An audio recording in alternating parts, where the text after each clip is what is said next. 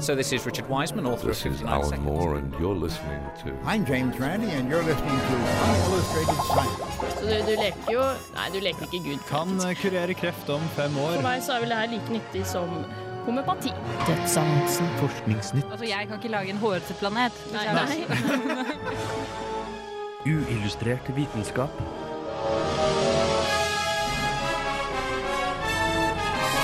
Science, works, bitches. Du trodde kanskje Higgs-eventyret var over? Mer om det får du høre i dagens Uillustrert vitenskap, hvor vi også vil snakke om siklende hunder og ta opp litt om intelligens. Hjertelig velkommen til Uillustrert vitenskap. Jeg heter Gaute, og med meg i studio så har jeg Hogne. Hallo. Og det er bare oss her i dag. Det er verken Øyvind eller Agnes, dessverre. Ja, det er litt synd, men eh, ja, nå har dere deres to favorittpersoner her, da, så det burde gå fint for det. Ja, vi skal, vi skal klare å holde, holde liv i leiren her. Eh, nå skal du få høre et eh, intervju eh, hvor vi har tatt for oss litt mer om Higgs-partikkelen, som du aldri kan høre nok om. Jeg heter Alex Reed. Jeg er professor i eksperimentell partikkelfysikk ved Universitetet i Oslo. Jeg leder seksjonen for energifysikk ved Fysisk institutt. Og jeg har vært Higgs-jeger siden ca. 1996, når jeg først ble interessert og hadde mulighet til å, til å angripe de spørsmålene jeg hadde om, eh, om, om Higgs-bosonene fantes eller ikke. Alex Reed er en av få norske fysikere som kan sies å ha vært delaktig i den store oppdagelsen av Higgs-bosone i juli 2012. Det er ikke så lett å forstå hvordan Higgs-bosonene fungerer. Men se for deg et rom med journalister som representerer Higgs-feltet. Og eh, så kommer det en kjent person inn i dette rommet, dette feltet. Og la oss si Justin Bieber.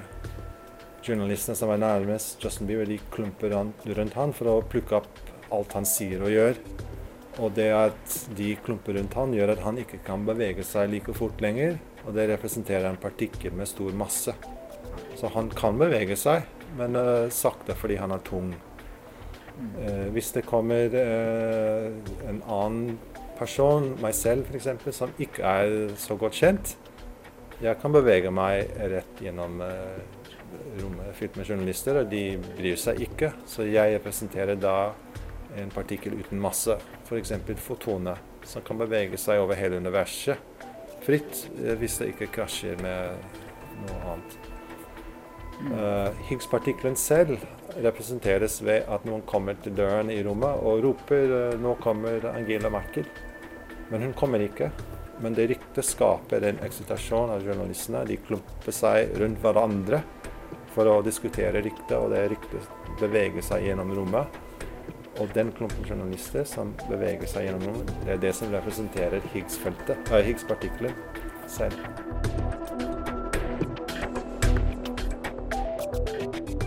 Men nå har det jo gått snart to år siden Higgs-bosone ble oppdaget.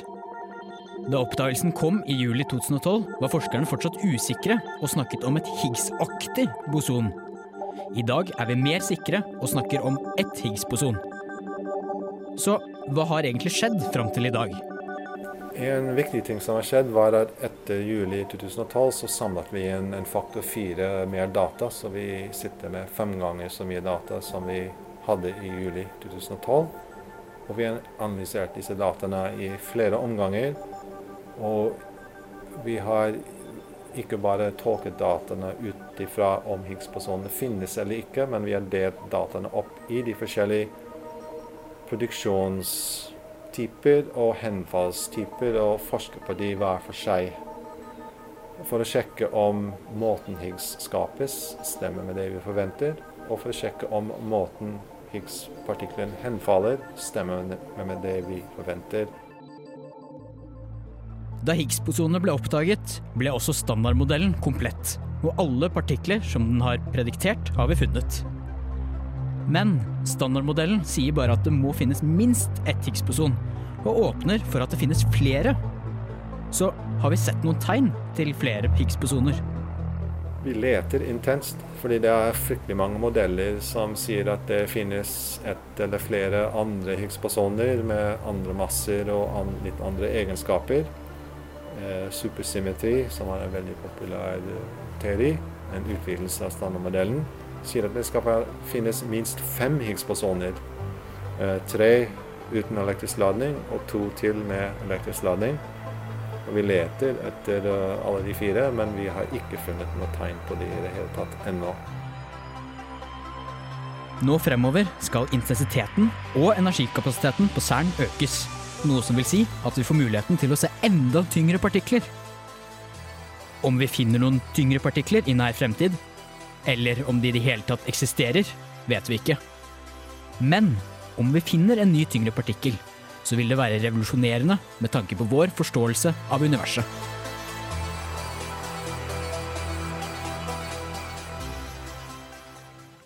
Der fikk du et intervju om Higgs-partikkelen, som, som, vi i hvert fall har funnet, eller tror vi har funnet. Eller hvor, altså vi, vi har jo funnet noe som er, ligner, men hvor sikre er vi egentlig på at, på at det er den der? er? Jo, nå er vi veldig sikre, faktisk. Um, jeg, jeg, nevnte jo for så vidt at det, når de fant den i juli 2012, så pratet de om at dette er et Higgs-aktig boson, for de kunne ikke si at dette her er Higgs-bosonet. Men nå i dag så prater de om at dette er et Higgs-boson. Uh, og de bruker jo da en skala, for eh, de kan ikke si hvor sikre de er. Men de prater heller om hvor sannsynlig er det at vi har blitt lurt av de resultatene vi har sett. Og det er der denne her sigma 5 kommer inn. da. Eh, og sigma 5 er det som de vanligvis har satt som en sånn grense innenfor partikkelfysikk, som sier at hvis vi er sikrere, eller hvis vi får resultater innenfor sigma 5 som har noe med Gauss-fordeling og ja, Du må kunne litt statistikk videre for å forstå det, da. Eh, så sier de at da er noe bevist, og da er det ikke lenger bare en antakelse, men det er bevist. Eh, og det vil si at de er sikre at i én av 3,5 millioner tilfeller så vil de bli lurt. Men alle de andre tilfellene så vil vi ha ikke bli lurt. Eh, og nå har det blitt enda sikrere, for det som de begynte med var jo at eh, de var sigma 6 sikre, som er et eller annet tall, jeg vet ikke. Eh, og nå har det gått opp til sigma 10, som er bare helt latterlig sannsynlig. Så nå, ja, nå er det sånn derre ta antall stjerner i universet, og så ti av de stjernene vil hvis, Eller alle, hvis alle Hvis det hadde vært en planet rundt alle stjernene i universet, og alle hadde funnet et Higgs-boson like sikkert, så ville bare ti, ti stykker av de faktisk tatt feil. Så det er sånn veldig veldig sikkert. Da, da, tror jeg vi kan si at vi, er, eh, at vi er rimelig sikre på at vi har i hvert fall funnet ett Higgs-boson, men det kan jo være flere? Ja, for det er ganske spennende at uh, det kan hende at det finnes flere Higgs-bosoner. Og det er jo denne her supersymmetrien, den predikterer jo fem stykker.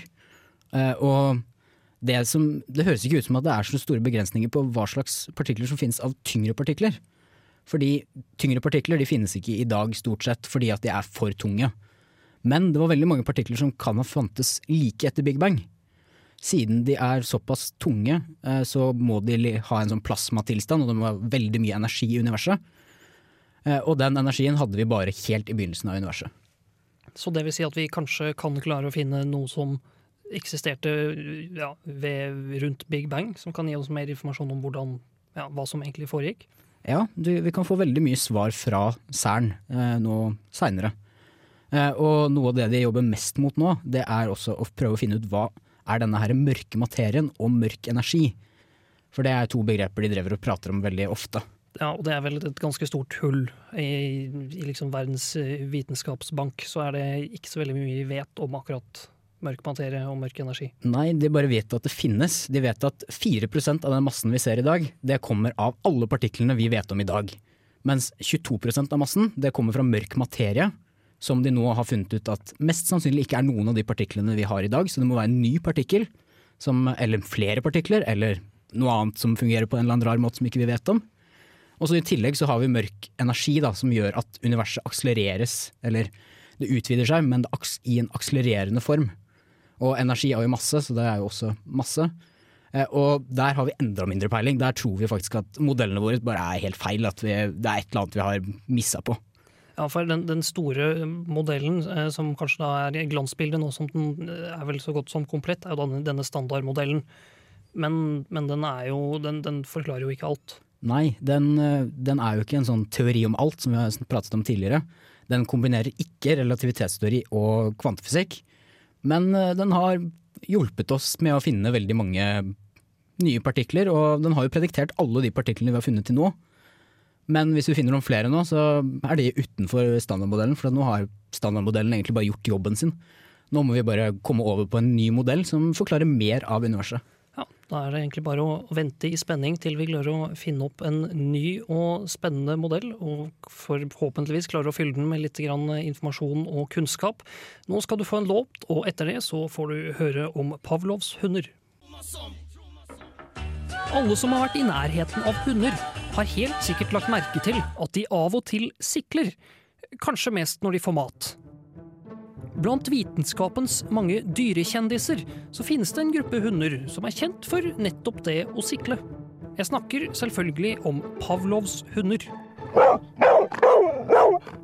Da den russiske fysiologen Ivan Pavlov forsket på fordøyelsesprosesser hos hunder, la han merke til noe underlig. Hundene han forsket på, begynte å sikle så fort assistenten hans gikk inn i rommet. Under forskningen hadde det blitt målt spyttproduksjon hos hundene da de ble presentert for ulike typer mat. Assistenten hadde så klart aldri blitt fòret til hundene, så her måtte det være en annen forklaring. Det at hunder produserer spytt når de får mat, er en automatisk prosess som ikke blir styrt av bevisstheten. Pavlov foreslo at siklingen som oppsto når assistenten kom inn, var en respons som oppsto fordi hundene hadde lært å assosiere hvite labfrakker med at de snart skulle få mat. For å teste ut dette gjennomførte han et forsøk der han først ga hundene et stimulus. Ikke overraskende så begynte ikke hundene å sikle. Deretter så lot han hundene få høre lyden hver gang de fikk mat. Etter en stund forsøkte han så igjen å gjøre som første gang, altså la hundene få dette stimuluset uten å få mat. Og i motsetning til første gangen begynte hundene nå å sikle. Fenomenet han oppdaget, det at et individ kan lære seg å koble et biologisk viktig stimulus, som f.eks. det å få mat, til et helt annet stimulus, kalles i dag klassisk betinging, og er viktig innenfor psykologi som for så vidt er en helt annen retning innenfor vitenskapen enn fysiologi, som var det han egentlig forsket på. Så når vi nå beveger oss inn i våren, og du egentlig burde bruke tiden til å lese til eksamen, så kan du huske på at Pavlovs store oppdagelse skyldtes at han ble distrahert fra det han egentlig holdt på med. Og derfor så kan du godt unne deg en liten distraksjon i form av å lytte til uillustrert vitenskap. Ja, nå har du hørt litt om eh, siklende Pavlovs hunder. Og, og da er det kanskje spesielt viktig å påpeke det at, eh, at det fenomenet her, det er et læringsfenomen som han oppdaget. da, At, eh, at han rett og slett kunne lære hundene noe uten at han egentlig forsøkte å, å lære de det. Ja, Og dette fungerer på mennesker og alt, eller? Ja, han visstnok, så vidt jeg vet, eh, så hadde han noen, noen forsøk på, på, barn også, hvor han gjorde noe av det, det samme. Eh, og ikke, det er ikke helt bra, for altså, han, eh, han, var jo ikke spesielt eh, snill mot disse hundene. Hvis han gjorde det på barn også, så, så håper jeg han var litt eh, snillere der. Han drev og, og, og hadde kirurgiske inngrep for å, for å få ut disse her spyttkjertlene og sånn, for å måle noe greier. For det, for det han egentlig testa, var jo nettopp hvordan, altså hvordan spytte og sikle hjalp til med å bryte ned ulike typer mat. Mm, ja. Det er ikke det han har blitt kjent for, da, kan man kanskje si. Nei, han har gjort veldig mye viktig, men hvis det viser seg at det er veldig mye uetisk han har gjort også, så kanskje det skygger litt over det. Ja, det, han fikk jo en nobelpris for dette her, men det er jo 110 år siden. Så jeg vet ikke helt hvor stramme de var på etikken på den tiden. Nei. Og jeg, jeg, må jo si det at, at alle som, som, har husdyr, har vel eh, lagt merke til at de kan ha en tendens til å lære ting på denne måten. Ja, enten negativt ved at eh, når katten vår gjør hva som helst som ikke er bra, så får den gjerne oppmerksomhet fordi at vi ber den om å ikke klor på sofaen, ikke rive ned ting fra bordet mm -hmm. osv. Og, så og så merker den at da får den oppmerksomhet, og så fører det gjerne til at vi kaster den ut. Og det er egentlig en veldig dårlig læringskurve der. Ikke sant. Eh, Jeg har hatt noe av samme problemet med et marsvin, eh, hvor, eh, hvor den har klart å knytte lyden av, av åpne kjøleskap, lukke kjøleskap. Det betyr 'nå skal jeg få salat', så da får du en sånn skikkelig sånn brannalarmlyd omtrent fra det der marsvinet som gnukker i vei med den der lyd. Det, det tror jeg ikke jeg ville anbefale. Nei. Men hva var det egentlig Pavlov brukte som stimulus? Jo, altså det som er kanskje mest kjent, er jo det at han brukte en bjelle. Eh, og det var det vel visstnok tvil om også en stund, om det faktisk var en bjelle han brukte, eller om det bare var noe man trodde han hadde brukt. Eh, men det er visstnok funnet bevis nå på, at, på at det er en bjelle han har brukt. I tillegg til ganske mye annet rart, annet da elektrisk sjokk, fløyter, meteoronomer, eh, stemmegafler og en del av visuelle stimuli. Mm. Så jeg vet ikke hva han hadde mest suksess med, men det hadde jo kanskje vært morsomt å prøve å teste ut på nytt igjen. Ja, nei, stimuli funker på alle måter, det, tydeligvis.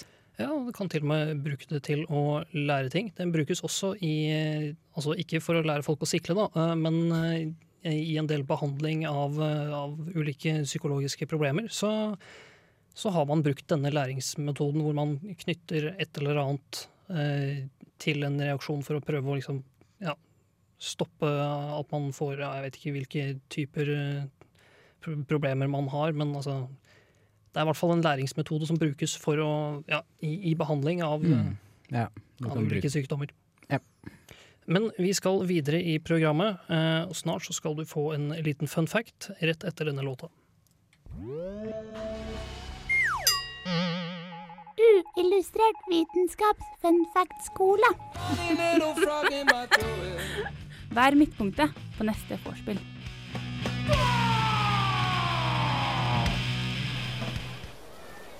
Visste du at hvis du tisser i bassenget i svømmehallen, driver du kjemisk krigføring?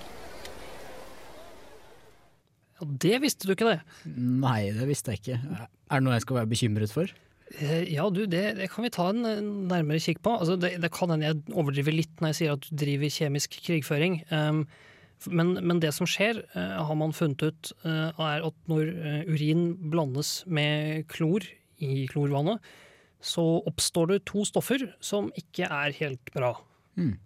De, disse stoffene er da, Det ene er nitrogentriklorid, og det andre er, som det heter på engelsk, cyanogen trichloride, som jeg kanskje burde sagt på norsk, men jeg ikke har det norske navnet på. Nei. Og begge disse stoffene her er, de er farlige. Mm. Ja, og hvilke skader er det du kan Eller hva, kan de, hva er det som er farlig med det? Begge stoffene kan føre til ulike lungeproblemer eh, og påvirke, påvirke respirasjonen. Eh, Men den, det andre stoffet er kanskje det som er verst, eh, for det kan også ødelegge hjertet og sentralnervesystemet. Mm. Og det er jo ting du stort sett vil ha i orden. Ja, så Er det derfor de ber deg om å ikke tisse i bassenget, eller er det kanskje av eh, mer, hygie eller sånn mer hygienegrunner de tenker på da? Det er vel først og fremst hygienegrunner de har tenkt på. Eh, og derfor så altså, Ganske mange kjente svømmere har jo gått ut og sagt at ja, men jeg tisser i bassenget for kloren tar det, og det går helt bra. Og stort sett så er det sånn, altså bakteriene blir stort sett tatt. eh, Og grunnen til at du får beskjed om å ikke tisse, er fordi at man, man har tenkt at hvis alle tisser, så blir det nok bakterier til at kloren ikke klarer å ta alt. Um, Men dette problemet med disse kjemiske stoffene er faktisk eh, verre eh, enn bakteriene. Så det er ikke bra å tisse i bassenget, nei. Nei, Men hva mente du med krig, nei, kjemisk krigføring? Ja, Det er her det, det litt eh, artige kommer inn. skjønner du. For eh, dette andre stoffet, som også da påvirker hjertet og sentralnervesystemet, eh, som for så vidt da også kan skape trøtthet, sår hals, rennende nese, forvirring, oppkast og kvalme, blant annet. I tillegg til at du kan bli paralysert og dø av det. Eh, Så Mm. er det oppført eh, på liste over eh, kjemiske våpen i den Chemical Weapons Convention, under da Schedule 3, eller hva det er for noe, som omhandler ulike stoffer som i seg selv eller ved bruk til produksjon av våpen kan brukes som våpen, men også da har, har bruk i industrien. da. Det jeg fant ut er at Hvis du produserer over 30 tonn av dette stoffet, så er du nødt til å rapportere det inn, sånn at det kan inspiseres. Og Da tenkte jeg at jeg kunne kikke på Pirbadet, om de klarte å produsere 30 tonn av dette, dette giftige stoffet. da. Eh, og det jeg kom fram til, var at Pirbadet har eh, 360 000 besøkende. Eh, og det har kommet fram at alle som besøker sånne bad, eh, lekker ut ca. 50 ml urin hver. Oi, Ufrivillig. Ja. Okay. Um, I tillegg så er det ca. hver femte som tisser frivillig. Og da Basert på dette her, og at man tisser ut 1 til 1,5 liter i døgnet Uh, Og jeg så for meg at alle som tisser i bassenget, gjerne tisser mye. uh, altså en halv liter. Uh, mm. Så kom jeg fram til at de faktisk, Pirbadet med sine 360 besøkende i året, produserer 54 tonn med urin eh, i året. Mm. Men av dette så er det jo ikke alt som, som reagerer. Da. Eh, og så vidt jeg vet så er det bare urinsyra som det er ca. 1 av i, i urinen vår. Som tilsvarer et halvt tonn. Ja. Uh, Nei, jeg, jeg antar at du måtte ha veldig veldig snill eh, beregning hvis du hadde klart å komme opp i 30 tonn. ja, nei, så, det, Men, så det, det er nok ikke farlig, altså. Det, I tillegg så renses jo det vannet tolv ganger i døgnet. Så. Ja. Men uansett ikke tiss i bassenget. Nei. Vi skal eh, videre, og snart får du litt om askenazi-jøder og intelligens.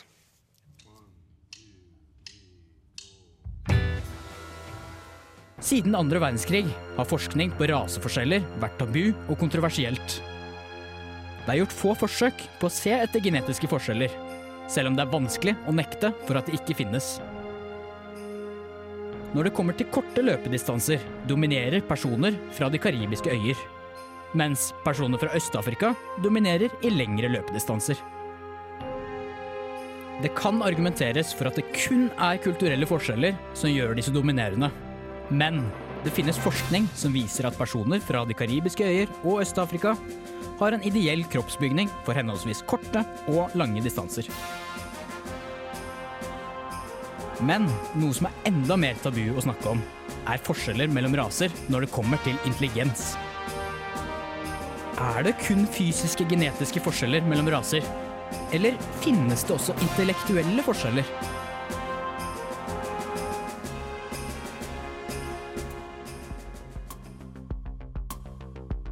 En studie fra 2005 kom fram til at spesielt én folkegruppe skilte seg ut når det kom til IQ, og det er askenasijøder.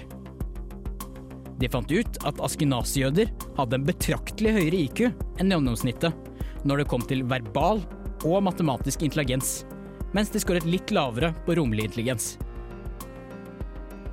Men det som var enda mer spennende, var at de mente de hadde en forklaring på hvorfor de var så intelligente.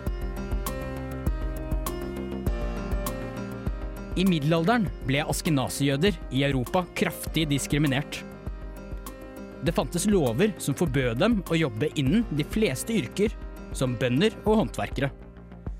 Dermed ble de tvunget inn i jobber som finans, administrasjon og internasjonal handel. De askenasijødene som lyktes med dette, ble ofte svært rike og hadde normalt mange flere barn enn de fattige askenasijødene. Og dermed ble det gjort en naturlig seleksjon, hvor askenasijødene, med en høyere forståelse innen matematikk og språk, fikk flere avkom enn de andre. Og siden askenasijødene var en veldig isolert folkegruppe, og dette skjedde over mer enn 40 generasjoner, kan dermed IQ-nivået ha økt sakte, men sikkert fram til det høye nivået de ligger på i dag.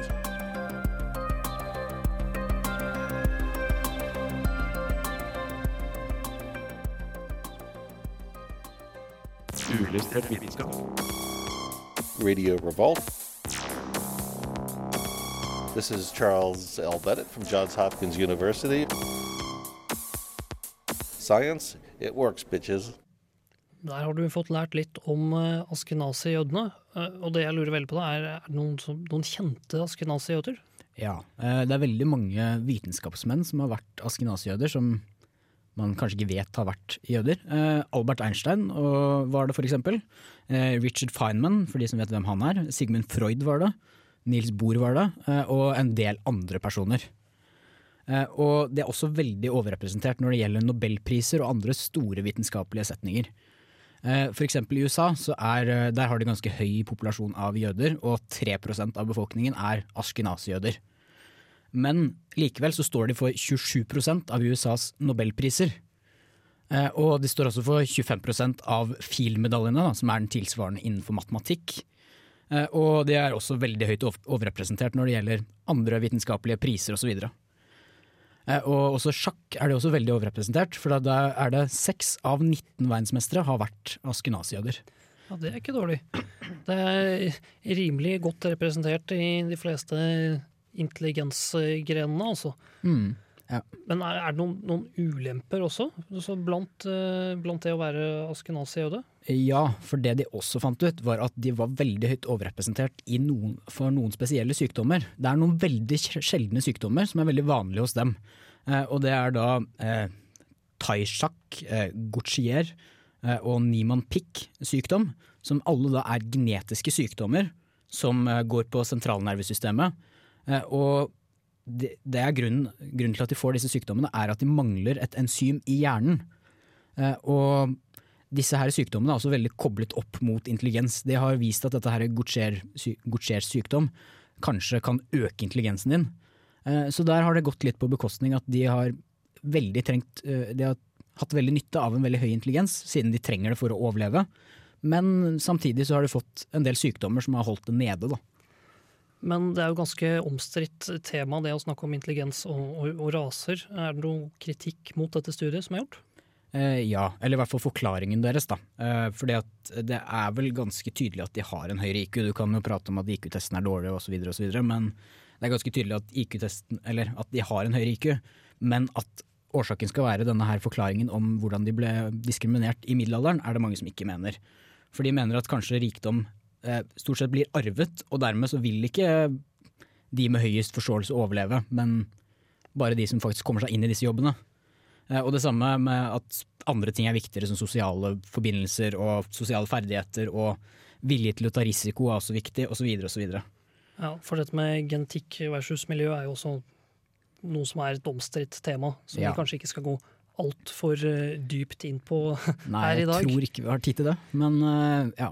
De har jo også pratet om, eh, om hva som er viktigst, da, på en måte. Om, eh, om intelligens er genetisk bestemt, eller om det er bestemt av miljøet.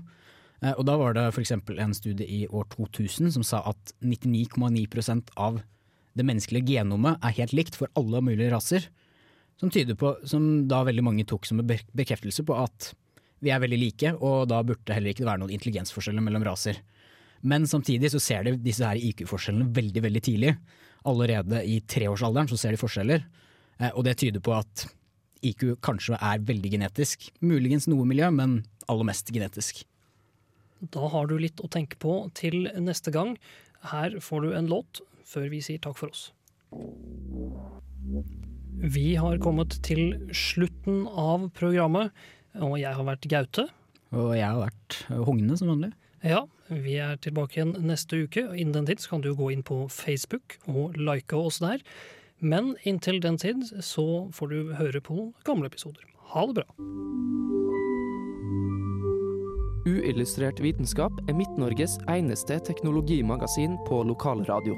Og vi snakker om alt fra populærvitenskap til sære forskningsprosjekt ved NTNU. Radio Revolt, studentradioen i Trondheim, er stolt av å kunne presentere podkaster fra de aller mest populære programmene våre. Hvis du har lyst til å høre mer fra Radio Revolt, hvem vi er og hva slags musikk vi spiller, så kan du høre oss på FM-båndet i Trondheimsregionen, eller streame sendingene våre live på radiorevolt.no.